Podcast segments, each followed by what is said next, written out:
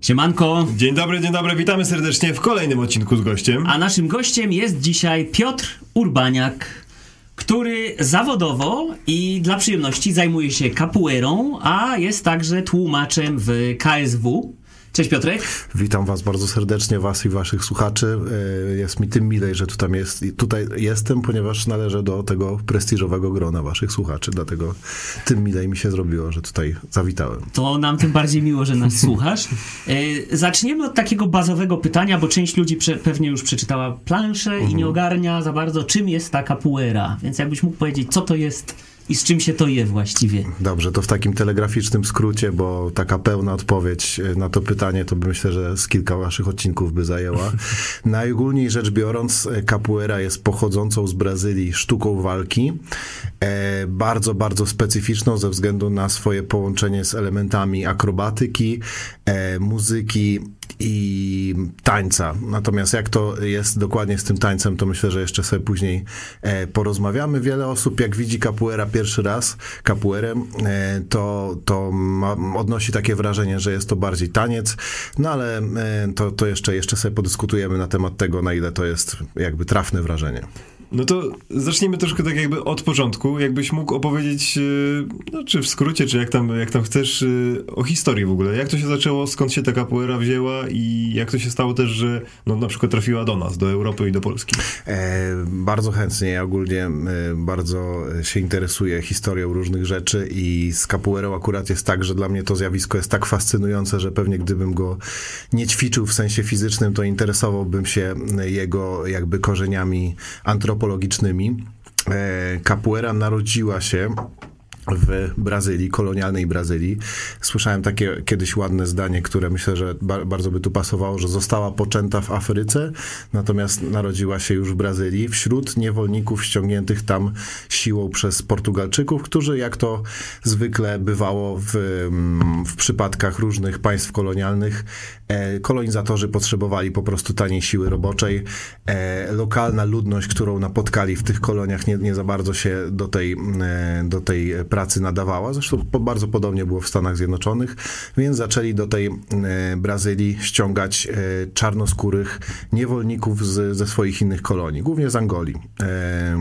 No, zdaje się, Portugalczycy mieli też kolonie w Mozambiku, w różnych innych miejscach w Afryce, natomiast większość, z tego co wiem, tych niewolników trafiła do Brazylii z Angolii. No i w momencie, kiedy mm, ci niewolnicy zostali postawieni w takiej sytuacji, że musieli pracować na tych plantacjach, tak, często e, na jednej plantacji traf, e, na jedną plantację trafiali niewolnicy z różnych e, jakby stron tej Afryki, nie do końca z tego samego plemienia i mieli jakby przemocą narzucaną e, religię chrześcijańską, tak, no to e, stworzyli coś w rodzaju trochę tańca, trochę właśnie takiej sztuki walki, żeby utrzymywać dobrą formę, żeby być w stanie e, gdzieś tam. E, no jakoś sobie e, radzić z tą, z tą presją wynikającą z takiego życia niewolniczego, no i żeby przypominać sobie nawzajem o tym, że oni są jednak odrębni kulturowo od, e, od, od Portugalczyków, od e, katolicyzmu i, i tego wszystkiego, co zostało im tam narzucone. Z czasem niektórzy z tych niewolników uciekali z, z, z, ze swoich, się nazywało fazendy, tak? czyli jakby takie wielkie plantacje, gdzie, gdzie zajmowali się głównie mm, z tego co wiem, hodowlą trzciny cukrowej. To jest taki motyw, który bardzo często pojawia się w piosenkach kapuerowych e, i ogólnie muzyce kapuerowej, e, właśnie ten, ten proces e, kultywowania tej trzciny i uciekali do dżungli, gdzie zakładali swoje własne miasta, które się nazywały Quilombos. Zresztą w Stanach Zjednoczonych też to bardzo, bardzo podobnie wyglądało. No i z czasem, kiedy w Brazylii zniesiono niewolnictwo, capoeira mm, została no, razem z, z, z wieloma ludźmi, którzy jeszcze przed chwilą byli niewolnikami, ale tuż po zniesieniu tego niewolnictwa nie za bardzo byli w stanie się w tym nowym systemie odnaleźć, została e, zmarginalizowana, tak, została uznana jako coś, jako zajęcie dla takich e, łobuzów, rzezimieszków i tak dalej. Zresztą samo słowo capoeira jeszcze w XIX wieku kojarzyło się bardzo, bardzo negatywnie I dopiero za pośrednictwem człowieka, który nazywa się Mestri Bimba, o którym chciałbym jeszcze w dalszej części powiedzieć, bo to też była fascynująca postać, e, mniej więcej w połowie, e, czy w latach 60. XX wieku e, zniesiono jakby taki prawny zapis o tym, że praktykowanie kapuery było zabronione, bo wcześniej było.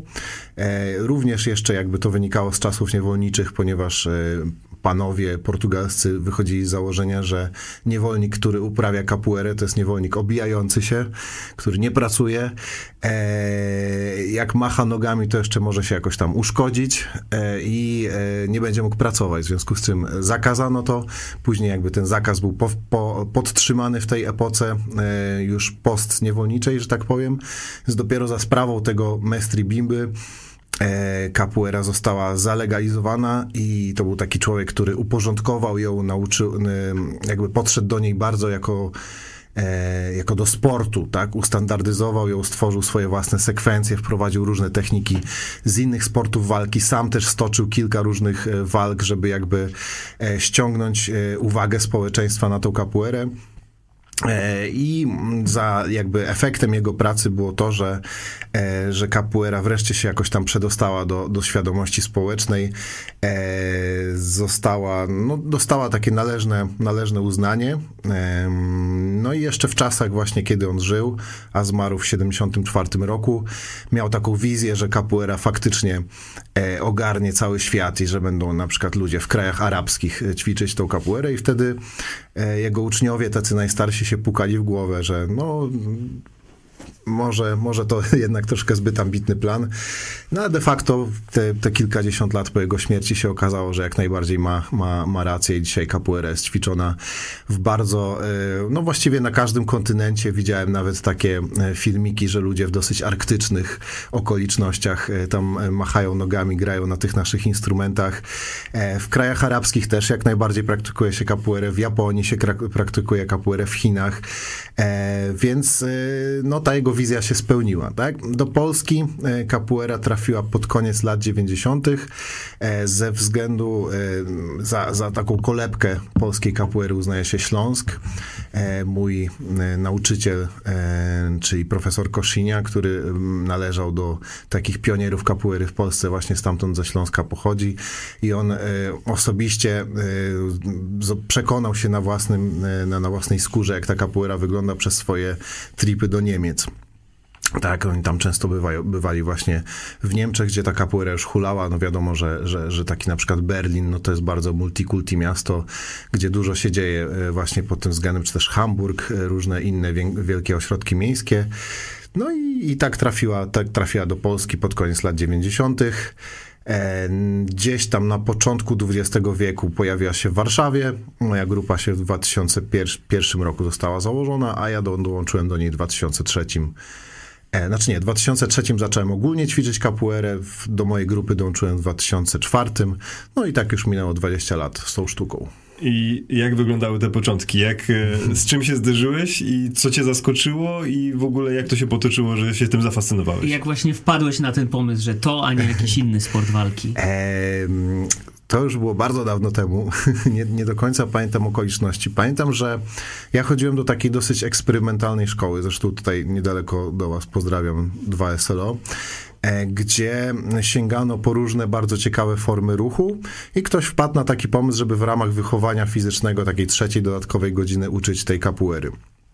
E, pamiętam, że Eee, jak za pierwszym razem zobaczyłem pokaz kapuery gdzieś tam chyba nad morzem z rodzicami, to nie do końca wiedziałem o co chodzi, eee, ponieważ kapuera jest tak mocno oderwana od naszego kontekstu kulturowego, że na pierwszy rzut oka trudno jakby to zrozumieć, o czym też pewnie jeszcze będziemy rozmawiać.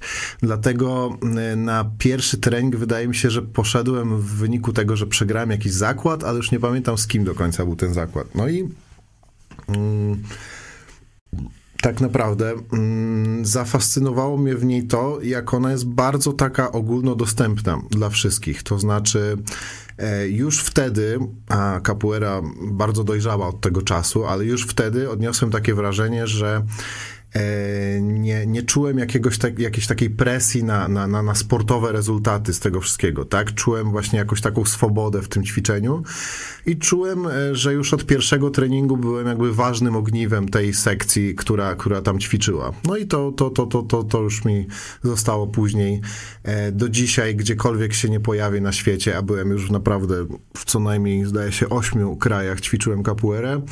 E, no to w, widzę, że wszędzie te sekcje są budowane właśnie w taki sposób, że, że już od pierwszego treningu daje się komuś do zrozumienia, że, że to nie jest jakby anonimowa osoba, że, on nie przy, że, że dana, dany początkujący to nie jest tak, że przychodzi na zajęcia godzina machania nogami, do widzenia, że pozostaje anonimowy, tylko od samego początku jakby staramy się budować tą społeczność, która jakoś tam wspiera e, i, i sobie pomaga. A powiedz, czy twoim zdaniem, i może również w twoim przypadku, taki film Only the Strong, y, chyba przetłumaczony tylko dla najlepszych, Oczywiście. odegrał jakąś rolę?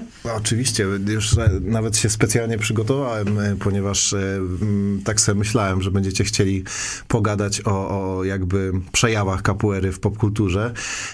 Only the Strong i tak, to jest z 93 roku film, rzeczywiście się nazywa Tylko dla najlepszych.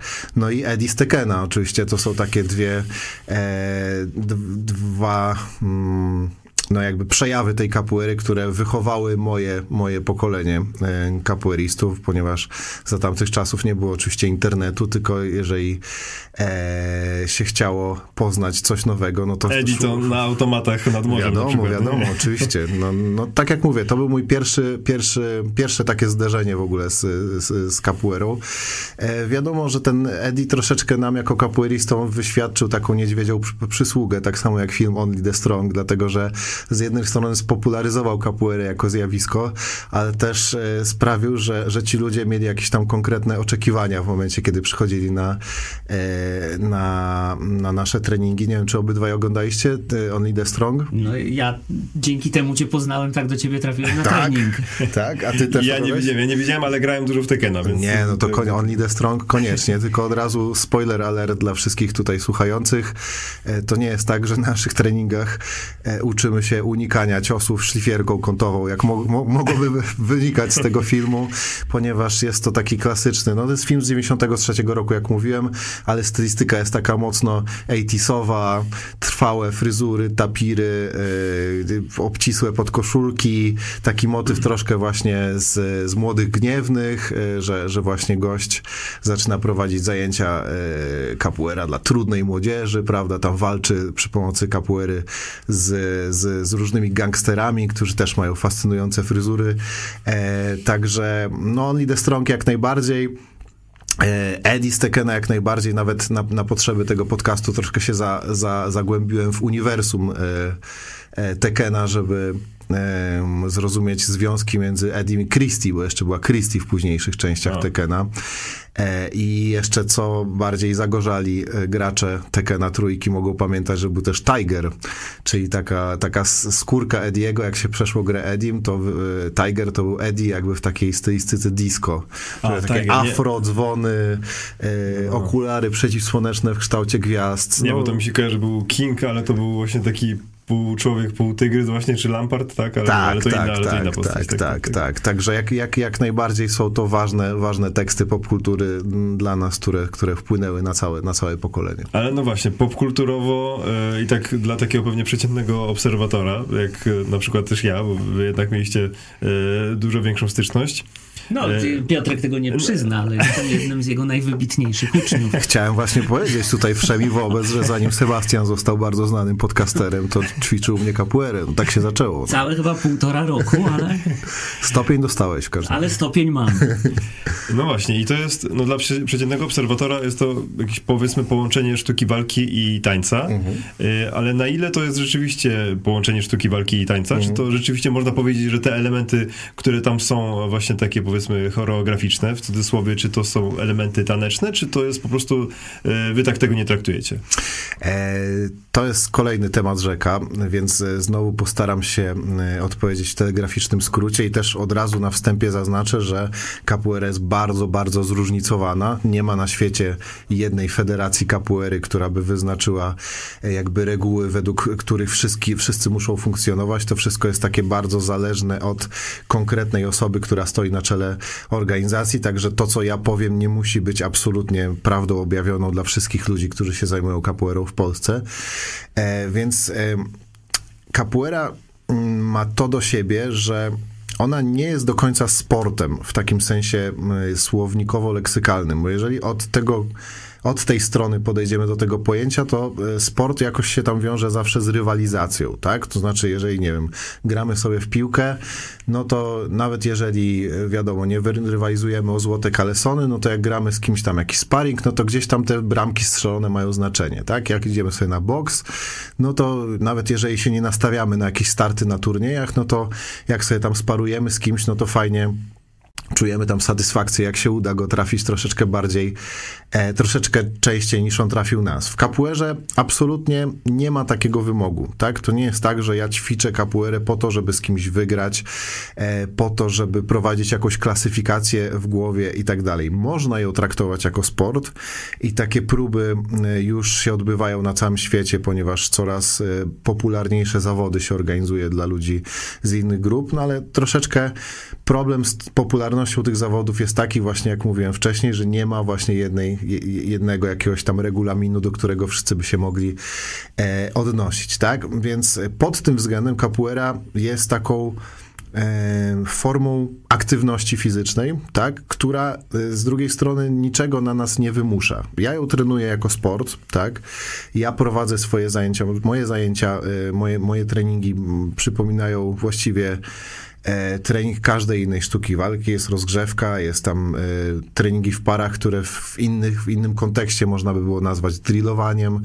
E, na końcu jest choda di capoeira, czyli taki okrąg e, z capoeiristów, którzy przy dużej jakiejś tam dozie mm, no powiedzmy bardzo luźno można by nazwać sparingami, e, tak? Natomiast... Tym, że, bo nie każdy ma jasność, to nie są takie sparingi, że się pierze po mordzie, jak w innych sztukach walki. Tak? E, no właśnie, właśnie, właśnie do tego zmierzam, że e, można grać na bardzo wiele różnych sposobów. E, te sposoby nazywamy tak ogólnie rytmami. E, I te rytmy są narzucane przez instrumenty, które, e, które jakby akompaniują takiemu spotkaniu capoeiristów i zależnie od tego, jaką melodię gra ten główny instrument, e, o którym może będzie jeszcze chwilka, żeby okazja do tego, żeby popowiadać, który nazywa się birimbau, to zależnie od tego, jak on gra, to tak wygląda właśnie gra capoeira, bo tak się nazywa czynność wykonywania capoeiry. Capoeiry się nie walczy, capoeiry się nie tańczy, capoeiry się gra. I to jest takie bardzo, bardzo pojemne pojęcie, tak? które przy sprzyjający, sprzyjających okolicznościach może oznaczać walkę w takim sensie, że, że te kopnięcia jak najbardziej dochodzą, tak? dlatego że w kapuerze mamy i kopnięcia obrotowe, i uderzenia rękoma, o czym większość ludzi sobie nie zdaje sprawy. Jak sobie odpali gdzieś tam y, capoeira na YouTubie, no to wyskakują ludzie skaczące akrobacje, tak? Ale mamy i obalenia, mamy y, ciosy rękami, tak jak mówiłem, ciosy głową, E, cały wachlarz bardzo różnych technik, który po prostu e, zależnie od kontekstu, w jakim się spotykamy, e, no, dobieramy po prostu konkretne narzędzia z tych technik. Z tak? tego co pamiętam, to też jest cios tyłkiem. Czy tam biodrem, no. E, cios tyłkiem jak najbardziej bunda, bunda, bunda to jest e, tyłek po portugalsku, więc bundada słyszałem jak najbardziej o czymś takim. Ciekawe, ciekawe rzeczy zapamiętałeś z naszych treningów, ale... Bardzo ale, mnie to zdziwiło, że ale, można kogoś unieszkodliwić w ten sposób. E, no to, to też jest taka troszkę właśnie filozofia capoeirowa, że, że capoeira uczy, że uczy takiej czujności, że ten cios naprawdę może nadejść w każdym momencie i, i i po prostu trzeba oczekiwać nieoczekiwanego. E, także jeżeli są dwie osoby, które są do tego chętne, tak, i mówimy tu o powiedzmy e, dwóch capoeiristach o podobnych warunkach fizycznych, tak, czyli nie takiej sytuacji, że jeden gość jest dużo większy od drugiego, no to jak najbardziej można sobie bardziej kontaktowo pograć i właśnie z wykorzystaniem podcięć i z wykorzystaniem rąk i tak dalej. Natomiast oczywiście, że jeżeli weźmiemy pod uwagę ogół treningów capoeiry, tak, no to jest to e, forma aktywności fizycznej o wiele mniej kontaktowa niż właśnie MMA na przykład albo kickboxing, tak? E, no ale więc z jednej strony to nie jest tak, że ćwiczymy capoeirę po to, żeby kogoś znokautować, tak? Natomiast z drugiej strony to też nie jest bezkontaktowy taniec, gdzie dwie osoby po prostu sobie wirują e, dookoła siebie nawzajem i, i, i w ogóle te ich drogi się nie przecinają w żaden sposób. I to jest taka, taka, taka właśnie zależność, którą bardzo trudno zrozumieć osobom z zewnątrz. Natomiast jeżeli już się w tym siedzi, to jest to e, o wiele jaśniejsze. No właśnie tutaj chyba bardzo ważny jest ten, to co mówiłeś, e, kontekst kulturowy zupełnie inny. Tak, tak że tak naprawdę to, co charakteryzuje w dużym stopniu tę w ogóle kulturę tę latynoamerykańską, to ci ludzie dużo się bawią, tak, nie? Mają dużo takiego fanu z życia, właśnie wychodzą na ulicę właśnie z instrumentami, e, jest fiesta, tam powiedzmy, że jakiś karnawał, tak powiedzmy w Brazylii -hmm. i tutaj z tego, co mówisz, właśnie samo to określenie, że to jest gra w capoeirę, tak? Nie, nie, że walka, to też jakby określa chyba, że jest dużo w tym też takiego podejścia jak do zabawy i do Dokładnie. takiego cieszenia się życiem chyba, Dokładnie nie? tak, jak najbardziej. E, w piosenkach capoeirowych bardzo często się przejawia, e, się powtarza takie słowo brincadera, co znaczy do, do, dosłownie zabawa i ta gra capoeirowa jak najbardziej może przyjąć formę właśnie takiej zabawy, której absolutnie nikt nikomu nie chce niczego udowadniać, tak? A wiesz co, jak się pojawia ten temat piosenek, bo też myślę, że dla tych, którzy nie widzieli nigdy e, treningu, jaka jest rola tej piosenki, gdzie ona się pojawia, dlaczego w ogóle się śpiewa, nie? Bo też... E, jak ktoś myśli trening sztuki mm -hmm. walki, no to dobra, jedziesz po mordzie trzy razy bach, bach, bach, mm -hmm. a mhm. tu się jednak śpiewa, są instrumenty, więc też jakbyś mógł przybliżyć widzom, słuchaczom, jak taki trening właśnie spaja te trzy różne mhm. elementy. E, więc e, z capoeirą jest tak, że ona jest na wskroś brazylijska i mogłaby powstać, wydaje mi się, tylko w Brazylii. I Brazylijczycy są ogólnie bardzo, bardzo muzykalnym narodem, o wiele bardziej niż nam się tutaj w Polsce wydaje. My w Polsce jesteśmy zazwyczaj przyzwyczajeni do tego, że zazwyczaj przyzwyczajeni, ale no, mamy taki zwyczaj, że jeżeli w Polsce się śpiewa, no to się śpiewa albo w kościele, albo na stadionie, tak? Zauważcie. E, natomiast... W sensie tak grupowo, powszechnie mówisz. To, tak, no tak e, społecznie, że tak, tak, tak powiem, tak? tak? E, natomiast w Brazylii to funkcjonuje zupełnie inaczej jak się mówi, że gdzie dwóch Polaków, tam trzy opinie, no to e, można by zaryzykować takie stwierdzenie, że trzech, gdzie trzech Brazylijczyków, tam cztery instrumenty, tak? Że jak oni się tam spotykają, faktycznie, tak jak wspominałeś, jest to kultura taka bardzo prospołeczna, że, e, że już od, od małego cię wychowują do, do tego, do, do, do takiego aktywnego udziału w, w społeczeństwie, więc jeżeli Brazylijczycy się spotykają, nawet właśnie w takim kontekście towarzyskim, żeby wypić piwko, e, zjeść jakieś, nie wiem, mięso grillowane czy coś takiego, no to bardzo często kończy się na tym, że jeden gość wyciąga kawakiniu. Kawakiniu to jest taka e, gitarka brazylijska, bardzo e, mocno związana z sambą, ale też z różnymi innymi rdzennie brazylijskimi gatunkami muzycznymi i zaczynają sobie po prostu, po prostu śpiewać. W związku z czym, jeżeli capoeira jest efektem jeżeli jest owocem kultury brazylijskiej, no to od samego początku było wiadomo, że ta muzyka będzie dla, dla capoeiry fundamentalna. I capoeira ma to do siebie, właśnie z, tego względu jest e, czasami nazywana tańcem, że tak docelowo takie porządne spotkanie capoeiristów powinno się właśnie e, odbywać przy akompaniamencie muzyki. To spotkanie capoeiristów właśnie, tak jak wspominałem, nazywa się Choda di Capoeira. Choda pisze się Roda i to znaczy dosłownie krąg. Tak? W tym kręgu mamy kilka osób, które grają na E, na różnych instrumentach, z których najważniejszy jest właśnie ten e, muzyczny łuk, który nazywa się birimbau i to po prostu zawsze jak, jak, jak wsiadałem do jakichś różnych autobusów czy tramwajów, to e, pierwsze co ludzie myśleli to, że wędka, a drugie, że, że, że łuk. E, nie jest to ani jedno, ani drugie. Jest to instrument, który wygląda na dosyć prymitywny, natomiast żeby się nauczyć go fajnie, e, fajnie na nim grać, to też naprawdę sporo czasu trzeba poświęcić. E, jeżeli ktoś na przykład jest fanem muzyki metalowej, tak? To jest taki zespół Sepultura właśnie, z tego co wiem, e, pochodzący z Belo i oni bardzo często w swoich utworach takich ciężkich wykorzystują ten taki bardzo charakterystyczny dźwięk e, berimbau, który jest po prostu instrumentem strunowym e, z jedną struną. Tak? No i mm, jakby ta muzyka jest na tyle ważna, że e, rozwój na polu muzycznym jest tak samo ważny w kapuerze, jak e, na tym, e, na tym, na tym polu e, fizycznym, tak? Tak samo jak, jak nauka kopnięć, jak nauka, e, nie wiem, uników, jak poznawanie historii Brazylii e, i tak dalej, i tak dalej. Więc oprócz tego, że mamy tą stronę instrumentalną, bardzo ważne jest właśnie dla, dla stworzenia atmosfery, e, jest śpiewanie piosenek. E, co, tak jak wspominałem wcześniej, może się nam tutaj w Polsce wydawać takie troszeczkę dziwne, e, no bo wiadomo, że Polacy, Polacy często właśnie reagują na to w taki sposób, że myślą, że to jest jakieś sekciarstwo czy, czy, czy coś takiego. E, no, kiedyś się troszeczkę na to obruszałem, ale powiedzmy, że z wiekiem zrozumiałem, z czego, z czego to, to, to wynika. Natomiast e, no, ja nie jestem osobą wierzącą, a jestem bardzo zaangażowany muzycznie w tą, w tą muzyczną stronę capoeira i nigdy też nie czułem ze strony jakby innych capoeiristów jakiejś takiej presji na to, żeby do jakiejś tam wspólnoty religijnej dołączyć. E, I śpiewamy piosenki na zasadzie takiej troszeczkę hip-hopowej. E, ja ogólnie też jako były raper du dużo podobieństw jakby dostrzegam między, między kulturą brazylijską i kulturą y, amerykańską. A to... śpiewacie po polsku czy po portugalsku? Nie, nie po portugalsku, po... jak najbardziej.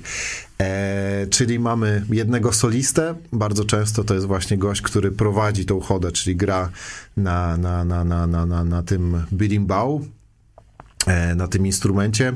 Birimbau Gunga, to jest birimbau, który ma taki e, największy, takie pudło rezonansowe, przez co on gra takim najbardziej bazowy, ba, ba, basowym e, basowym tonem, jest najlepiej słyszalny i właśnie gość, który zazwyczaj na nim gra, to jest ten gość, który, który tą chodę prowadzi. On decyduje o tym, co się będzie działo w środku, e, decyduje też, e, jakie jest tempo, bo to też jest bardzo ważne dla nas e, i intonuje piosenki. Więc to się odbywa na takiej zasadzie właśnie call and response, czyli gość na przykład śpiewa jakąś zwrotkę, i daje sygnał, że wjeżdża w tym momencie refren. No i wszyscy zgromadzeni tam na miejscu e, powinni na ten, na ten refren odpowiedzieć, tak? No i dla mnie było to o tyle ważne, że e, jeszcze hmm? czasami trzeba klaskać. Znaczy nie, no to... Bo dla mnie to był najgorszy ten moment, że ja muszę klaskać i śpiewać i jeszcze myśleć, że za chwilę wchodzę tak, do to, środka, więc to jest dużo czynników. O tym zapomniałem, tak. Klaskanie jest e, też jakby takim e, elementem, e, takim motorem napędowym tej całej energii i takim czynnikiem, który powoduje, że, że ludzie się bardzo angażują, bardziej angażują to w, też w sensie muzycznym i to też jest jakby element tej całej e, orkiestry kapuerowej, który, który mamy tam e, na miejscu. Natomiast wracając jeszcze do do piosenek, no to same w sobie te piosenki to jest kopalnia wiedzy na temat y, capoeiry, na temat historii capoeiry, historii też y, Brazylii, niewolnictwa, y, różnych zjawisk kulturowych, które się z tą capoeirą przenikały. Mamy też coś takiego jak makulele. Makulele to jest taki też e, zjawisko w ramach kultury afrobrazylijskiej, które no nie do końca się, znaczy w jakiś tam sposób się wiąże z capoeirą, ale to jest taki bardziej afro niż brazylijski taniec z maczetami, taniec wojny, tak, że mamy dwóch gości, którzy, którzy gdzieś tam już w rytmie sobie e, działają e, nabijanym przez taki bęben, który się nazywa atabaki, taki wielki, wielki bęben i w pewnym momencie tego rytmu mają po prostu uderzyć jedną maczetą o drugą, tak? Tańcząc ze, ze sobą nawzajem. W wersji oczywiście treningowej nie używamy maczet, żeby ograniczyć liczbę obciętych kończyn. Działamy e, przy, przy użyciu jakichś tam pałek, e, więc, więc no mamy coś takiego. Mamy też samba choda, czyli taką właśnie e, ludową wersję samby, która, która polega na tym, że właśnie E, mamy, mm, mamy krąg, do którego wchodzi e, dziewczyna, facet i, i po prostu kolejni tancerze się zmieniają, że wchodzą na przykład faceci do środka, zastępują facetów, e, dziewczyny i tak. No ale mamy cały po prostu folklor brazylijski i capoeira jest taką świetną platformą do tego, żeby, e, żeby różne, różne inne ciekawe zjawiska też tej kultury brazylijskiej popularyzować. Czyli tak naprawdę, no, z tego co powiadasz, to można też powiedzieć, że jest to zdecydowanie forma artystyczna e, capoeira w dużym stopniu i rozwijająca kreatywność na pewno też. Tak, tak to, to bez dwóch zdań. Są różne, mm, jeszcze, jeszcze wracając do, do tego tematu e, muzycznego, ja na przykład bardzo no, jestem jakoś tam związany z muzyką, więc śpiewanie w kapuerze i tworzenie też swoich własnych piosenek e, pozwala mi się jakoś tam wyrazić w ten sposób, więc jak najbardziej pasuje to do czego, e, to, e, do, do tego, co przed chwilką e, powiedziałeś. E, capoeira bywa też bardzo często wykorzystywana w przypadku różnych e, projektów teatralnych e, takich bardziej właśnie tanecznych. Ja jakoś nie, nie czuję się specjalnie pewnie w tańcu, więc, e, więc no ja, ja, ja się bardziej wyrażam za pomocą słów, powiedzmy, czy, czy, czy, czy właśnie muzyki, e, więc e, bywa to jak najbardziej wykorzystywane też w, w kontekście, o którym wspominałeś. E, no i co? Mm, e, z tą muzyką jest jeszcze troszeczkę tak, że właśnie ludzie ze względu na obecność muzyki e, tak bardzo wrzucają tą kapuerę do szufladki z napisem taniec. Natomiast u nas ta muzyka odgrywa zupełnie inną rolę niż właśnie w przypadku tancerzy, dlatego że tanc tancerz, jeżeli on słyszy, znaczy tak mi się przynajmniej wydaje, no ja nie jestem żadnym tancerzem, tak, ale natomiast tań, tań, tańcuje się zawsze, tańczy się zawsze do muzyki, tak? Więc jakby rytm, który słyszysz, jest dla ciebie w pewnym sensie wiążący, musisz się w tym rytmie odnaleźć, tak? W, w naszym kontekście ten, ta, ta muzyka służy przede wszystkim stworzeniu konkretnej atmosfery, ale to nie jest tak, że my musimy się poruszać w tym, w tym rytmie narzuconym przez grające instrumenty. Hmm. A jeszcze jeśli chodzi o samą e, Brazylię, powiedzmy, mm. bo no mówisz o tym, że to rzeczywiście jest bardzo ważny element e, i tak się mówi, że piłka nożna jest w pewien sposób religią Brazylii, a czym w takim razie jest y, capoeira dla, dla Brazylijczyków ogólnie, powszechnie? To jest bardzo, bardzo ciekawe pytanie, bo y, Europejczykom, którzy ćwiczą capoeirę i jadą do Brazylii później, y, wydaje się często, że, że tam po prostu wszyscy tą capoeirę znają od, od, od małego i w wielu przypadkach rzeczywiście tak jest, natomiast na tle religijnym jest też spore uprzedzenie w Brazylii do, do, do, do capoeiry. Gdzieś tam cały czas pokutuje e, to takie przekonanie, że, że, że capoeira, znaczy no w niektórych przypadkach, tak, że capoeira to jest zajęcie dla marginesu społecz, społecznego i też wielu moich przyjaciół e, z naszej grupy na takim poziomie instruktorskim albo wyższym opowiadało mi, że spotykali się z takimi przypadkami dyskryminacji, tak, że na przykład szli gdzieś tam, nie wiem, do urzędu pracy, i dostawali pytanie, czym się pan zajmuje? Znaczy, jaki, jaki jest pana zawód? No, jestem nauczycielem kapuery. No dobra, ale czym się pan zajmuje? Na takiej zasadzie, tak? Gdzieś tam e, ze względu na to, że, że kapuerę e, kulturowo wrzucano do jednego worka też na przykład z candomblé, czyli z taką e, brazylijską religią, która czasami bywa nazywaną e, brazylijskim voodoo, tak, no to wiele ludzi, którzy są na przykład bardzo wierzący, e, z tego względu właśnie jakoś tą, tą kapuerę jest do, niej, jest, jest do niej uprzedzonych tak?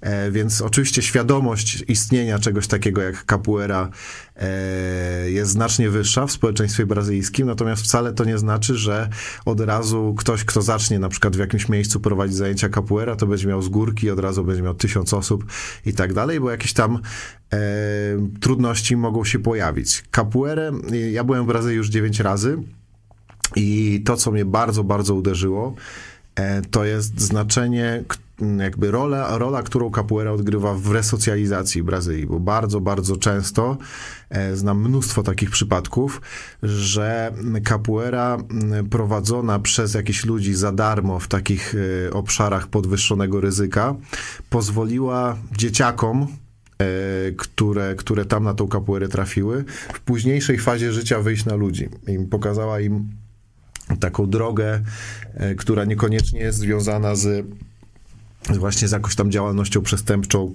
napadaniem na ludzi, e, handlem, narkotyka, handlem narkotykami, które są ogromnym problemem w Brazylii, szczególnie w tych, tych większych miastach. Znam co najmniej kilkanaście takich przypadków z naszej grupy, że no, ludzie mówią, że centralnie właśnie capoeira uratowała im życie i gdyby na nią nie trafili, to pewnie by zostali w tym półświadku do dzisiaj, o ile by w ogóle jeszcze żyli. To zostając w tej Brazylii, tak e, zmieniając trochę temat i Mhm. zostając, y, bo przez to, że musisz się w historię zagłębiać, przez to, że byłeś już tam dziewięć razy, jaki jest twój odbiór w ogóle Brazylijczyków, Mhm. ich kultury, y, ludzi i tak dalej, i tak dalej?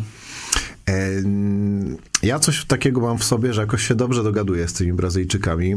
E, Już od, zanim tam na, do, na dobrą sprawę pojechałem, e, to przyjąłem mnóstwo Brazylijczyków u, u siebie w, w, domu. Właściwie zawsze mamy taki system, przyjmujemy przy okazji naszych warsztatów, że ja przyjmuję właśnie gości e, w u nas e, w domu mojej mamy, ponieważ no, jakoś się dobrze z tymi Brazylijczykami dogaduję. Brazylijczycy przede wszystkim robią na mnie wrażenie bardzo serdecznych ludzi i takich e, ludzi, którzy mają o wiele luźniejsze podejście do do takich e, kwestii związanych z, nie wiem, z czułością na przykład, tak, że ja mam na przykład w, w swojej rodzinie ludzi, z którymi witam się w mniej czuły sposób niż z niektórymi Brazylijczykami, których widziałem pierwszy raz w życiu, tak, albo jedyny do tej pory, tak.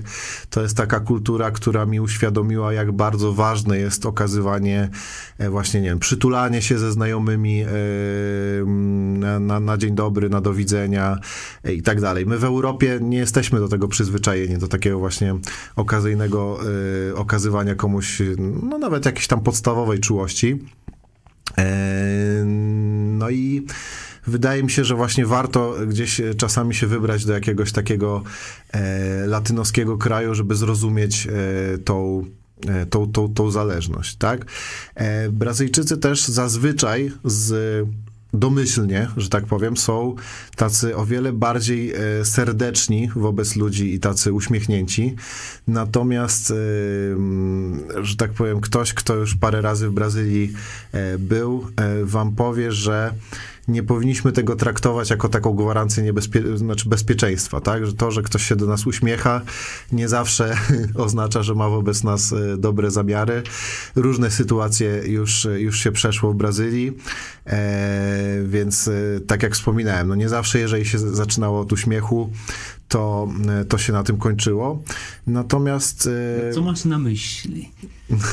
no to mam na Miałeś myśli... jakieś niefajne przygody? Jak najbardziej. Ja byłem raz w życiu, ja wspominam to super. A gdzie byłeś? Ja byłem w Brazylii, czyli Aha, w e, stolicy. stolicy. No i właśnie ja cały czas mam e, kontakt. Byłem na e, festiwalu teatralnym.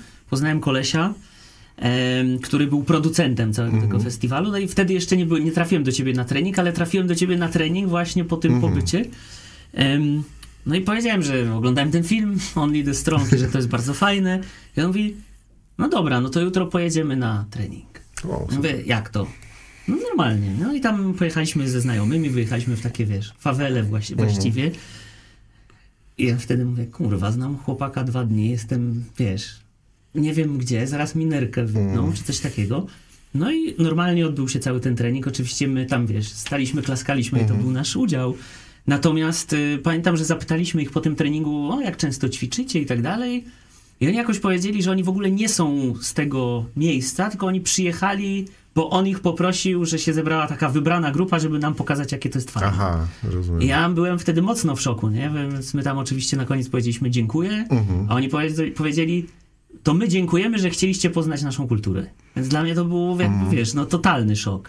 No, Brazylijczycy bardzo tak pozytywnie reagują na, e, przynajmniej ci, których, których znam, na, na, na właśnie Europejczyków, którzy chcą poznać ich kulturę, a już szczególnie właśnie, jeżeli widzą, że ktoś mówi po portugalsku. Bo oczywiście zakładają domyślnie, że, że, że nie, nie mówię po portugalsku, więc jak odkrywają, że mówię i to całkiem nieźle, to od razu się pytają, skąd jestem, tak? Ja im mówię wtedy, że z Afryki zazwyczaj, żeby tak jakoś troszeczkę ich potrolować, żeby zobaczyć po prostu te rozszerzające się oczy. Natomiast e, no jeżeli chodzi o jakieś takie nieprzyjemne sytuacje, no to, to też mam sporo znajomych e, z Rio, też, też właśnie z z tego środowiska MMA, KSW i im opowiadam, że y, oni się mnie pytają, czy byłem w Rio. Ja mówię, człowieku, nie dość, że byłem w Rio, nie dość, że byłem na Marakanie, nie dość, że widziałem Chrystusa, to jeszcze nawet mnie napadli w Rio, więc ja po prostu przeżyłem, wiesz, full experience, tak? To, tak jakbym w, był w Wenecji i pływał, wiesz, gondolą, nie? Na tej zasadzie. No właśnie byliśmy kiedyś e, w e, w, w Rio i jakoś tak to dziwnie wyszło, bo że, że ktoś wpadł na poroniony pomysł, że wieczorem pójdziemy na imprezę sambową i weszliśmy do, do jakiegoś parku. Ja pamiętam, że to był jakiś taki luźny dzień, który spędziliśmy cały na plaży. Ja tam troszkę popiwkowałem, więc jak e, szliśmy przez ten park, to już byłem taki trochę ledwo żywy i oczekiwałem, że na tej, na tej imprezie może jakoś tam ożyję. No i e, w pewnym momencie jakoś tak drogę mi zajechał jakiś taki młodzian, który z uśmiechem powiedział mi, że bardzo mnie przeprasza, czy coś tam. Ja w ogóle nie zrozumiałem, co się dzieje w tym momencie, bo tak jak mówię, no nie byłem w najlepszej e, formie, że tak powiem, mentalnej. No i pamiętam, że usłyszałem krzyk w pewnym momencie i odwróciłem się i zobaczyłem, że moja ówczesna partnerka leży na ziemi, jakiś gościej próbuje wyrwać, y, wyrwać torebkę, tak? Nawet, y, no na szczęście się skończyło na strachu, jakoś tam y, to było tylko trzech gówniarzy z jakimiś tam, nie wiem, patykami. E, no ale jeszcze nie wiedzieliśmy o tym, że tak, że, że, że to jest niegroźna sytuacja w czasie, kiedy to się odbywało. No ale generalnie nawet ci ci, te, te małolaty, które próbowały nas okraść, e, robiły to z uśmiechem na ustach, tak? Innym razem byliśmy e, na przykład w Salwadorze. Salwador to jest e, miasto, w którym ten Mestri Bimba, o którym wam wspominałem wcześniej, żył przez większość życia, tam też założył swoją pierwszą akademię. No to jest takie miasto uważane za Mekkę kapuery. Zresztą sprawdziłem tutaj, przygotowując się E, przed przyjazdem do was, że to jest takie miasto, które 75% e, populacji tego miasta jest czarnoskóra. To jest najbardziej zafrykanizowane e, miejsce na świecie poza Afryką. I tam akurat szliśmy sobie po Pelourinho, czyli po starówce Salwadoru, w dzień, który się nazywał Dia di Consciencia Negra. To muszę troszeczkę się cofnąć do tego, o czym już mówiłem. Wspominałem wam o tych miastach niewolniczych e, w, w, w dżungli. Swego czasu było właśnie takie powstanie e, tych niewolników zbiegłych do dżungli, na czele którego stanął właśnie król tych niewolników, który się nazywał Zumbi das Palmaris. I w dniu, kiedy go zabito, dzień, który go, w którym go zabito, został ogłoszony Dia de Consciencia Negra, czyli jakby świadomości e, kultury, jakby no, społeczności czarnoskórej w Brazylii, tak? No więc generalnie w Salwadorze ten dzień to jest naprawdę wielka feta, e, mnóstwo jakiejś muzyki na ulicach i tak dalej. No i szliśmy sobie z moją wczesną partnerką ulicą i nagle wyskakuje jakiś dwóch gości e, w słomkowych kapeluszach i e, w koszulkach e, zespołu Olodum. Jeżeli ktoś nie kojarzy Olodum, to jest taki kawałek e, z Michaelem Jacksonem świetny, They Don't Really Care About Us. On mhm. jest nakręcony właśnie, teledysk jest nakręcony w Salwadorze i A, Michael tak, Jackson tak. go nagrał właśnie we współpracy z Olodum. To jest taki zespół perkusyjny wielu ludzi bijących e, w, w różne instrumenty perkusyjne. Świetna sprawa. No i ci goście w ogóle nie wiadomo skąd, uśmiech w ogóle, tańczą, zaczynają nas malować jakieś tam wzory, takie właśnie afro-brazylijskie brazylijskie, jakieś takie właśnie plemienne sprawy. E, no i skończyli i mówią, że 50 hali czyli tam równowartość powiedzmy, no wtedy HAL jest troszkę e, słabszy teraz niż, niż złotówka, no ale wtedy to było 5 dych, tak, za usługę, której tak naprawdę nikt z nas sobie nie, no nic nie mieliśmy do gadania w tej sprawie, więc nawet tacy ludzie, którzy chcieli coś tam wydębić, troszkę hajsu od nas na ulicy, robili to z, z pełnym przekonaniem, uśmiechem i tak dalej, tak, także no nie zrozumcie mnie źle, ja nie, nie, nie chcę tutaj, broń Boże, kształtować jakiegoś negatywnego e, obrazu Brazylijczyków, ponieważ no znam, no nie wiem, mam myślę, że z kilkadziesiąt y, znajomych takich bardzo bliskich Brazylii. E, natomiast no po prostu taka rada ode mnie, że sam fakt tego, że ktoś się do was uśmiecha i, i, i mówi do was przyjacielu, niekoniecznie e, musi oznaczać Brazylii, że wam dobrze życzy. Wymieniłeś takie dwie sytuacje opresyjne dosyć, mhm. E, które się skończyły dobrze. A czy miałeś taką sytuację opresyjną, i nie mówię w Brazylii, w Polsce, w innym kraju, gdzie rzeczywiście z tej kapuery musiałeś skorzystać, żeby komuś przyfasolić? Mm, no właśnie, szczerze mówiąc nie. E, jakoś się to nie, nie zdarzyło, ale ja generalnie jestem, no, słuchacze tego nie widzą, tak, ale ja jestem dosyć wysoki. Metr 96, e, bo zapytałem przed spotkaniem. e, także no jakoś może zazwyczaj jeżeli ktoś jest troszeczkę większy, no to e, ludzie, którzy tej afery na siłę szukają, no to raczej nie zaczepiają takich osób. Natomiast e, od, od kiedy jestem związany z, z Federacją KSW, zacząłem też trenować troszeczkę bardziej kontaktowe sporty. E, dwa lata trenowałem boks, teraz zacząłem od nowego roku się zajmować boksem tajskim i powiem wam, że te techniki, które tam widzę, szczególnie na boksie tajskim, kopnięcia, uderzenia, e, nie wiem, łokciami i tak dalej, to są jak najbardziej techniki, które ja znam z capoeiry, tak? Także wydaje mi się, że no na pewno y, gdyby do takiej sytuacji doszło, no to nie wykorzystywałbym tych elementów bardziej estetycznych, jak nie wiem, gwiazdy albo gwiazdy na głowie, e, nie wiem, różnego rodzaju przejścia, kręcenia się na rękach i tak dalej. No ale y, cytując klasyka, w dać też mogę dać. E, także mm, no my, my też normalnie na treningach, jeżeli się skupiamy na tym aspekcie bardziej e, właśnie kontaktowym, to ćwiczymy te te kopnięcia normalnie na tarczach, tak, żeby, żeby to nie było tak, że, że, że kopiemy tylko w powietrze, bo musimy mieć świadomość, ile siły w to uderzenie trzeba włożyć, żeby bardziej zabolało ono kopanego niż kopiącego. A właśnie wywołałeś KSW, y, czy w KSW, czy nie wiem, w UFC, w Bellatorze, czy gdzieś mm. właśnie w tych y, federacjach y, MMA są zawodnicy, którzy właśnie używają przede wszystkim capoeiry? Przede wszystkim nie, dlatego że tak jak już e, wspominałem wcześniej, capoeira jest w pewnym sensie czymś znacznie więcej niż, niż znacznie większym niż sztuka walki i e, nie wszystkie elementy, które, których się uczymy na treningach, by do takiego kontekstu pasowały, tak? Nie wiem, czy pamiętasz, ale um, uczyliśmy się na naszych treningach takich głównych jakby rytmów, e, gry właśnie w ramach dwóch rytmów. Jeden z nich nazywa się Capoeira Regional. E, I właśnie w tym. Pamiętam.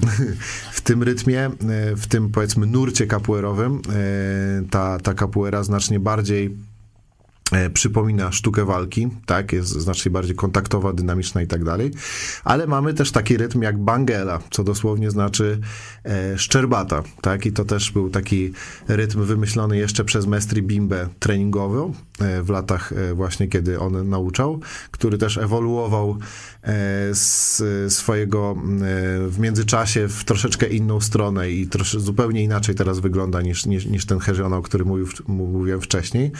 No i jakbym tak miał spojrzeć na, na dwóch gości grających Bangela dobrze ze sobą, to bym powiedział, że oni grają w Twistera, tak? Bo to jest takie, takie poruszanie się na bardzo niewielkiej przestrzeni, interakcja z drugą osobą, natomiast no mnie jest widoczny ten element właśnie kopnięć, podcięć i tak dalej, tak? O troszeczkę co innego chodzi. Więc gdyby, gdybym miał tak, tego typu techniki wykorzystywać w, w klatce MMA, no to wiadomo, że nie miałoby to absolutnie żadnego sensu. Natomiast y, jest mnóstwo uderzeń w kapuerze, tak jak mówię, które się pokrywają z technikami, które można poznać w innych y, sztukach walki. No i też y, kapuera właśnie w takim sztukowalkowym, w cudzysłowie, wydaniu uczy nas takiej przebiegłości e, w kontekście e, capoeirowym to się mówi malandrażej, tak? To jest takie właśnie słowo po portugalsku, które oznacza przebiegłość, które można by najogólniej nazwać taką wyjściową filozofią capoeiry, tak? Czyli nieprzewidywalności e, i też takiego zaskakiwania siebie nawzajem. I myślę, że taki mindset to jest coś, co bardzo, bardzo pozwala ludziom, którzy którzy na przykład przechodzą do innych sztuk walki. Jest nawet taki fajny e, filmik, który się zwira, zwiralował swego czasu z różnymi postaciami e, ważnymi z, ze świata brazylijskiego MMA, którzy rozmawiają ze sobą na temat, na temat capoeiry i generalnie bardzo ją chwalą jako taką dziedzinę, która dobrze nastraja, tak? Jakby wywołuje u nas taki, takie ciekawe nastawienie do tego, żeby, żeby e, myśleć o jakiejś tam dalszej karierze w bardziej kontaktowych sportach Ale walki. też były filmy różne wiralowe na YouTubie, gdzie były nokauty pokazane, właśnie takie typowo z kapuery wywodzące się i wygląda to mega efektownie, ale ci ludzie potem leżą na ziemi, białka w oczach i nie wiedzą, gdzie są. No tak to jest właśnie z tymi kopnięciami kapuerowymi. Nie? Można ogólnie przyjąć, że kapuera w największym stopniu się e, opiera o kopnięcia obrotowe. Więc kopnięcie obrotowe zajmuje sporo czasu, żeby je wyprowadzić, tak? Natomiast e, jak już wejdzie, to już wejdzie, tak? To jest naprawdę ogromna siła. E, I tutaj warto wspomnieć o o dwóch ciekawych przypadkach, jakby przy, przykładach na to, co mówię. Pierwszy to jest właśnie, tak jak wam wspominałem, ten Mestri Bimba. Organizował różne e, znaczy jak brał udział w różnych takich pokazowych walkach z mistrzami innych sztuk walki, żeby pokazać, że stworzył coś takiego jak capoeira i przyciągnąć ewentualnych chętnych, tak? Jest taka historia o tym, że, e, że, że walczył właśnie z mistrzem, zdaje się, jiu-jitsu, jakimś Azjatą i znokautował go kopnięciem, które my znamy jako Habuji Ahaya, e, czyli takie obrotowe kopnięcie piętą z ręką położoną na, e, na, na, na, na ziemi. Habuji Ahaya dosłownie znaczy ogon płaszczki. I to dosyć pasuje do, do tego kopnięcia, które mm, na Jak płaszczka dziabnie, to boli jak... jak, jak dziabnie, to już dziabnie, wiadomo. E, więc e, no, wiem, o którym filmiku mówisz. E, gość, który e, jest widoczny na tym filmiku, to jest e, syn jednego z bardziej znanych mestri w, e, w, w naszych czasach. On się nazywa Bahauziniu i walczył, zdaje się, jako Marcos Aurelio. I on też właściwie, no, e, no nie korzystał tylko i wyłącznie z tej kapuery, ale z tego, co wiem, no, e, wszedł do MMA, żeby, żeby jakby tą kapuerę spopularyzować i spowodować to, żeby ludzie troszeczkę, znaczy ludzie zajmujący się innymi sztukami walki z troszeczkę większym respektem na tą kapuerę spojrzeli.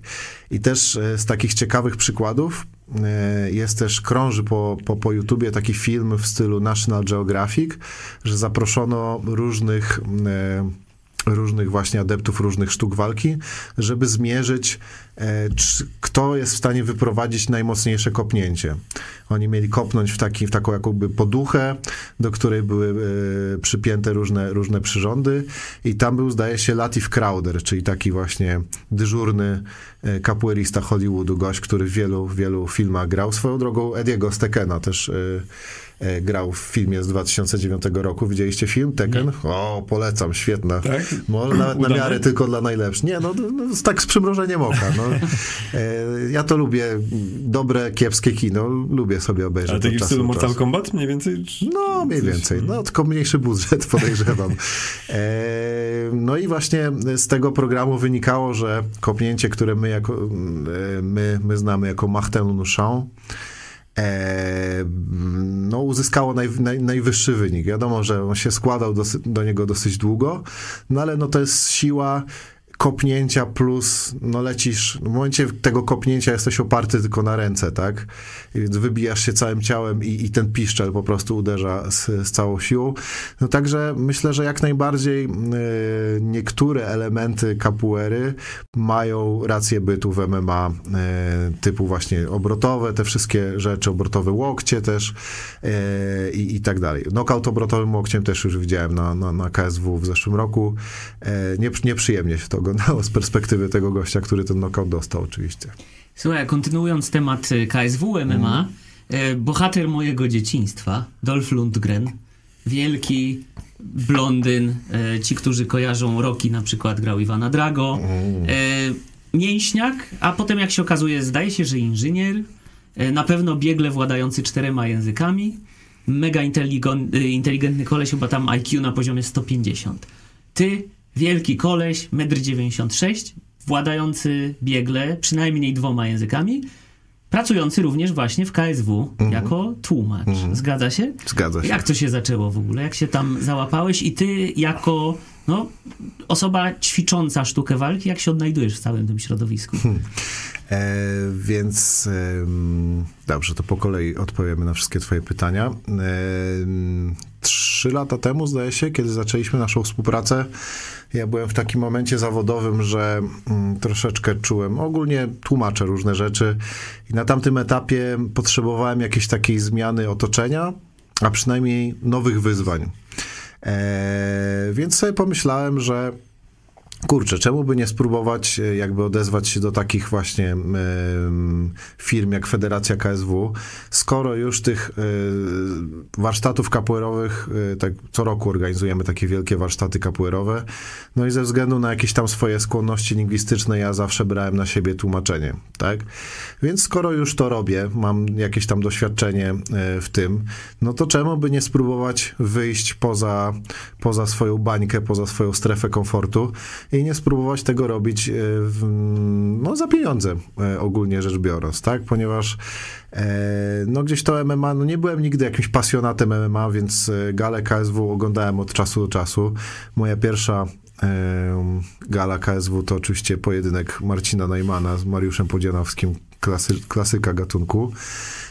To już było 14, 15 lat temu. E, Naprawdę? 2009, tak, tak, nie? Tak, tak, tak, tak, 2009. Tak. E, klasyczne. To było chyba KSW 14 w ogóle, mm, swoją drogą. Teraz będzie KSW 90 za, za tydzień, także też, żebyście mieli e, świadomość tego, jak, jak już e, prężnie działamy jako, Myślałem, jako że żebyście mieli przygotowane garnitury, bo was zapraszam. pomyślimy, pomyślimy. E, więc czasami oglądałem te, e, te, te, te, te, te gale w telewizji, no i trafiał się jakiś Brazylijczyk, no i czasami miałem wrażenie, że ten tłumacz, który razem z nim tam jest, zazwyczaj była to tłumaczka, no nie, nie do końca dowozi, tak? I się zastanawiałem, z czego to, w sensie, no, że nie, widać było, że, że jest bardzo spięta, że, że no, nie, niełatwo jej było sobie poradzić w tej, w tej sytuacji. No i się zastanawiałem, z czego to wynika, tak? E, no i później Zaraz wrócę do tego wątku, oczywiście, e, do brzegu. E, później, jak już właśnie szukałem tych różnych e, wyzwań, odezwałem się do, do, do, do Federacji KSW przez mojego znajomego rapera, który też miał tam dużo do czynienia z, z, z KSW i z różnymi sportami walki. Generalnie dużo ludzi, którzy się, krę, którzy, którzy się kręcą w tym środowisku, to są ludzie, którzy mieli coś kiedyś do, e, do czynienia z rapem na, na jakimś tam e, etapie. Coś tam freestylowali, coś tam rapowali. Szczególnie w przypadku tych freakowych gal. To tam można dużo znajomych twarzy e, spotkać. No więc gość mnie polecił. E, później ku mojemu zdziwieniu e, KSW się do mnie odezwało, czy bym nie chciał E, wziąć udział właśnie w takiej gali. Stwierdziłem, że no, trudno, najwyżej zrobię z siebie głupka w telewizji. E, to był lipiec 2021 roku. E, gala KSW tutaj w Warszawie, taka mniejsza, bo to jeszcze były czasy covidowe, więc no nie bardzo mieliśmy warunki do tego, żeby organizować na przykład Koloseum, które w zeszłym roku zorganizowaliśmy na 50 tysięcy ludzi na, na Stadionie Narodowym. Troszeczkę inaczej wtedy to wyglądało. No w każdym razie e, trafiłem na tą galę, e, tłumaczyłem tam zawodnika, który się nazywa Bruno dos Santos, którego bardzo serdecznie e, pozdrawiam. No i jakby dotarło do mnie, dlaczego tam te tłumaczki się wyglądały na takie spięte, bo nawet dla mnie jako osoby, która e, gdzieś tam była z tym e, jakoś tam powiązana, troszkę się tym zjawiskiem interesowała, jakby MMA i ogólnie sportu walki. Było to bardzo, bardzo intensywne przeżycie. Ta, ta cała atmosfera tego i to, jak to jest świetnie zorganizowane, tam po prostu tak od kuchni E, mogę wam powiedzieć, że no naprawdę robi to niesamowite wrażenie. Taka, i, i to, ile osób jest zaangażowanych w organizację takiej gali i, i to, że każdy jakoś tam ma swoją rolę do odegrania, kierowcy, ochrona, produkcja samego eventu, tam e, na, na, na backstage'u cały czas kursują różni ludzie, tego trzeba przyprowadzić tutaj, tego na rozgrzewkę i tak dalej.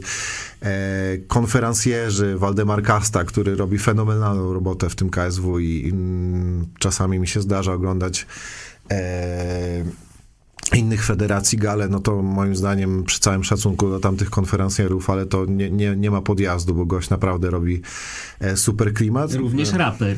Tak, również raper, e, który zresztą chyba nagrał teraz jakąś swoją ostatnią płytę, więc e, rapową, z tego co tam wspominał.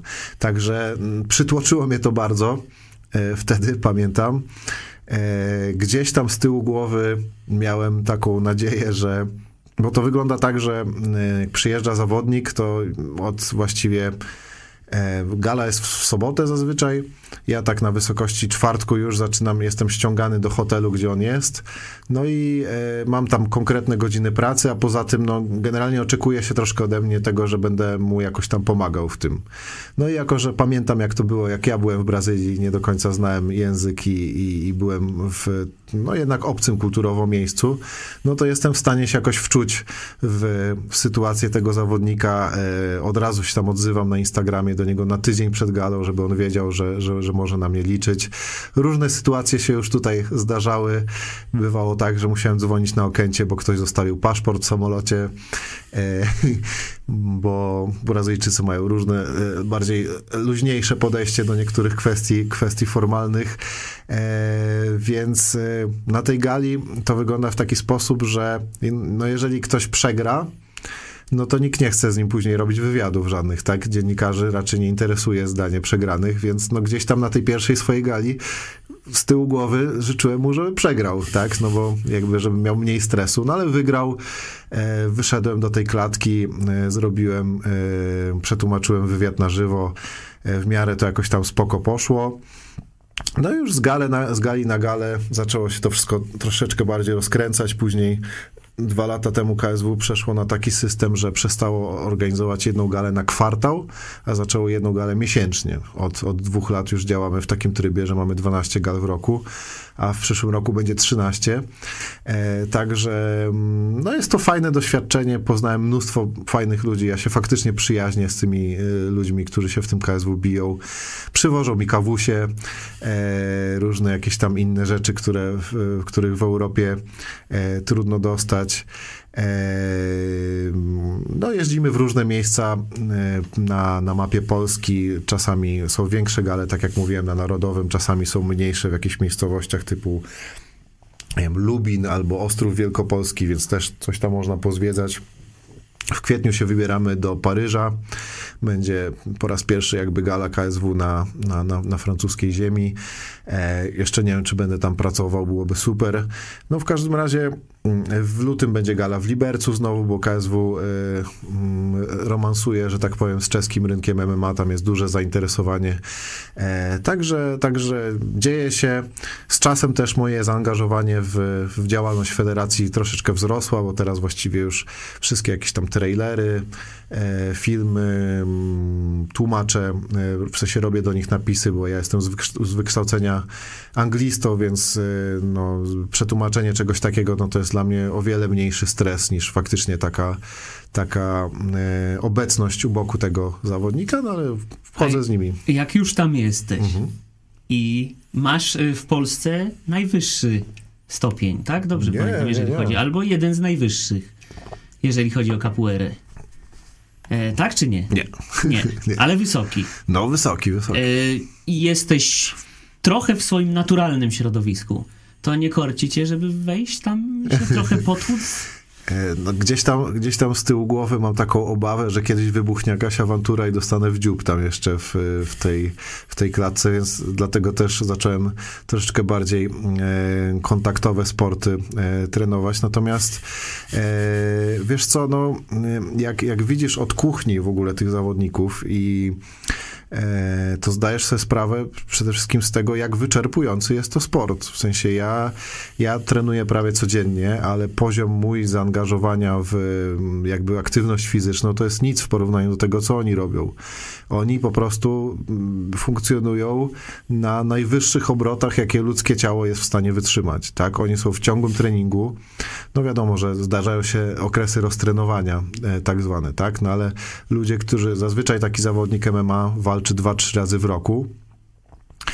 No i e, dostaje jakąś tam garzę e, za tą walkę, która na papierze może imponować, ale jeżeli sobie uwzględnisz wszystkie jakby koszty przygotowania do tej walki, no to już ta cyferka topnieje, tak? Bo, bo taki gość ma tak, sparring partnerów, których musisz dobrać pod konkretnego zawodnika, dietetyka oczywiście, osobnego trenera, masz head coacha, e, czyli takiego jakby ogólnego trenera, który cię e, prowadzi, osobnego trenera od stójki często, osobnego od parteru, e, przygotowanie fizyczne, tak jak wspominałem, no cała armia ludzi stoi za tobą, żeby, żeby cię odpowiednio do tego przygotować, także no nie, nie korci mnie, bo jestem o wiele za małym żuczkiem, żeby tam, żeby tam czegoś, czegoś popróbować.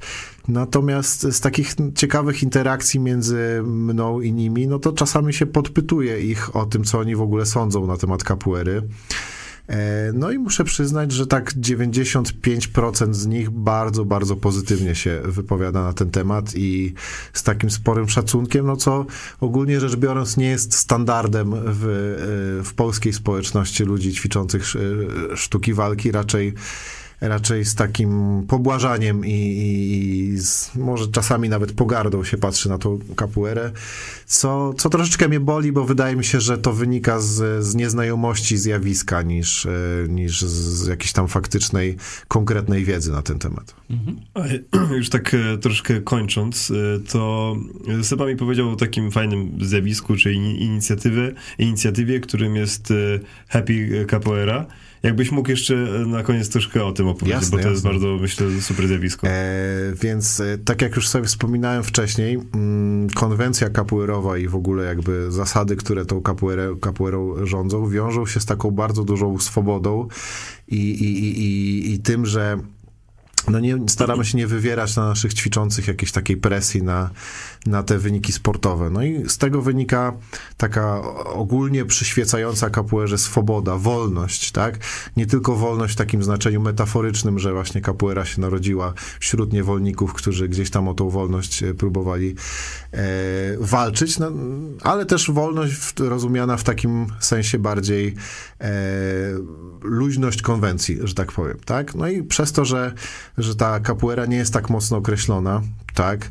E, jesteśmy bardzo, bardzo inkluzywną społecznością i na całym świecie jest mnóstwo osób niepełnosprawnych, którzy, które tą kapuerę sobie ćwiczą. Nawet dosłownie ludzi, którzy są, mają prawie całe ciało sparaliżowane i na przykład e, wykonują no tyle, na ile mogą jakieś ruchy kapuerowe za pomocą jednej ręki, bo mogą ruszać jedną ręką, tak?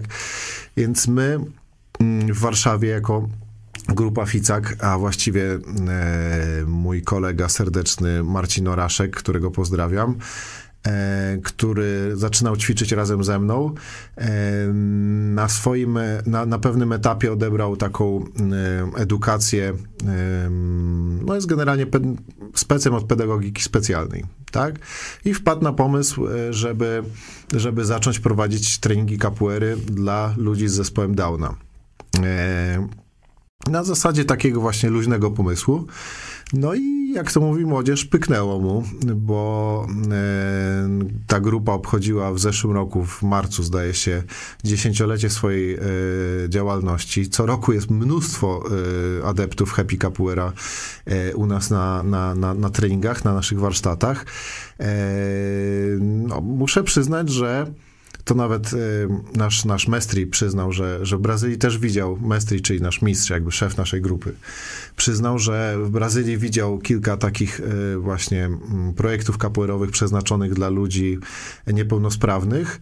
No i y, na ich tle to Happy Capoeira naprawdę robi wrażenie, bo oni faktycznie grają swoją kapuerę i wiadomo, że wchodząc do choda, grając kapuerę z z kimś z zespołem Downa, no to e, no nie wiem, no nie, nie, nie, nie wykonuje kopnięć na maksymalnej prędkości i tak dalej. I trzeba w tym wszystkim też uważać, żeby e, żeby, żeby komuś nie zrobić krzywdy, ale absolutnie tutaj nie ma mowy o jakimś dawaniu forów czy czymś takim, bo oni oni też jak najbardziej potrafią zaskoczyć e, jakimś kopnięciem zupełnie niespodziewanym. Część z nich, na przykład ja mam na swoich treningach taką e, Gosię, pozdrawiam cię Gosiu, jeżeli, jeżeli e, mnie słuchasz, e, która w sensie mówimy teraz o sytuacji poza Happy Capoeira, tak? Moje, moje zajęcia nie są przeznaczone dla ludzi z zespołem Downa, ale ona akurat chodzi na nie, bo ma, bo, bo tam mieszka niedaleko. No to muszę powiedzieć, że Gosia jest bardzo, bardzo sprawną osobą i to nigdy nie jest tak, że ja muszę jej pokazywać jakąś uproszczoną formę technik, żeby ona sobie dała radę, tylko ona zawsze robi dokładnie to samo, co cała reszta ekipy. Troszeczkę sobie, nie wiem, wolniej powtarza te, te, te, te wszystkie techniki, ale generalnie radzi sobie. No i E, no Brazylijczycy się w kolejkach ustawiają, żeby przylecieć do nas co roku i poprowadzić dla nich trening, bo, bo są naprawdę pod wielkim wrażeniem e, tego, jak oni sobie radzą. Uczą ich też e, piosenek, tak? Ludzie z Happy Capoeira też tam próbują swoich sił w tym aspekcie muzycznym z mniejszym lub większym powodzeniem. No i muszę przyznać, że jest to taka bardzo ważna część naszej grupy tutaj w Polsce. Bardzo się cieszymy, że, że że, możemy razem z nimi ćwiczyć. Dla mnie jako e, jako prowadzącego zajęcia to było niesamowite e, doświadczenie. Raz, że uczyć kapuery osobę z zespołem Downa, a dwa, że też na przykład obserwować, e, bo kiedyś Gosia ćwiczyła ze mną w takiej sekcji dla dzieci więc e, często widywałem jakby pierwszy e, kontakt e, na przykład jakiegoś dziecka z osobą niepełnosprawną, tak, że, że na przykład taka, taka, ta, takie dziecko przychodziło do mnie na zajęciach, widziało taką Gosię, widziało, że ona ma no ma jakieś tam swoje ograniczenia, pewne rzeczy robi troszeczkę wolniej i tak dalej. I absolutnie nigdy na tym tle nie widziałem E, nie, nie, nie doszło do jakiegoś zgrzytu, do jakiejś tam negatywnej sytuacji, nikt się nigdy z niej nie wyśmiewał. E, no nie było jakichś takich e, toksycznych reakcji, tak? Tylko wszyscy właśnie reagowali w takim taki bardzo pozytywny, kochany i serdeczny sposób i, i poczytuję to sobie jako, jako swój sukces gdzieś tam. No to super, no to my też pozdrawiamy całą społeczność kapoery w Polsce, całą społeczność kapoery w Warszawie. Mamy nadzieję, że Piotrek was przekonał do treningów? Jeżeli tak, to jak ludzie mogą się zapisać i gdzie was znaleźć? Mm, więc y, najlepiej by było, my, my, generalnie jako Ficak działamy głównie na terenie Mazowsza, e, więc najlepiej by było, żeby ewentualnie chętni weszli sobie na naszą stronę ficag.pl, F-I-C-A-G. E, jeżeli kogoś interesuje projekt Happy Capoeira, to najlepiej właśnie wpisać po prostu Happy Capoeira na, na Facebooku. Happy jak radosny e, po angielsku, Capoeira jako capoeira. A e, jeżeli ko kogoś by interesowało, jak wygląda mój projekt, to Instagramowiczów zapraszam na stronę ficag podkreśnik grochów, grochow. Jeżeli się uwzględni, to E, to, to, to instagramową pisownię i Capoeira Fica Grochów na E, na Facebooku, tam będzie najłatwiej wejść. Ja tam generalnie spamuję cały czas jakimiś tam filmikami z naszych treningów, także można, można zobaczyć, jak to wygląda, e, można się przekonać, czy, czy to faktycznie jest przeznaczone tylko dla jakichś super wysportowanych ludzi. Spoiler, zupełnie nie jest. E, jest przeznaczone dla wszystkich tych, którzy chcą po prostu spróbować czegoś ciekawego i czegoś egzotycznego. No i my też zdecydowanie zachęcamy i właśnie zgasła nam tuż przed momentem nasza lampka, co świadczy, że już na pewno kończymy. I oczywiście na sam koniec yy, zachęcamy do subskrybowania na YouTubie, followowania na Spotify'u, na Instagramie, wystawiania ocen gwiazdkowych na Spotify'u, bo to nam pomaga pozycjonować ten podcast, a także... A także, no właśnie, mówiliśmy dzisiaj o Brazylii. Zdaje się, że Brazylia jest jednym z głównych importerów kawy w ogóle na świecie, więc możecie nam postawić wirtualną kawkę w serwisie buycoffee.to łamane na wiesz o tym. Link w opisie odcinka i dziękujemy Ci jeszcze raz. Jeszcze Dzięki raz bardzo wielkie, dziękujemy. Wielka przyjemność. Dzięki wielkie chłopaki. I do zobaczenia. Do zobaczenia. Cześć, cześć, cześć.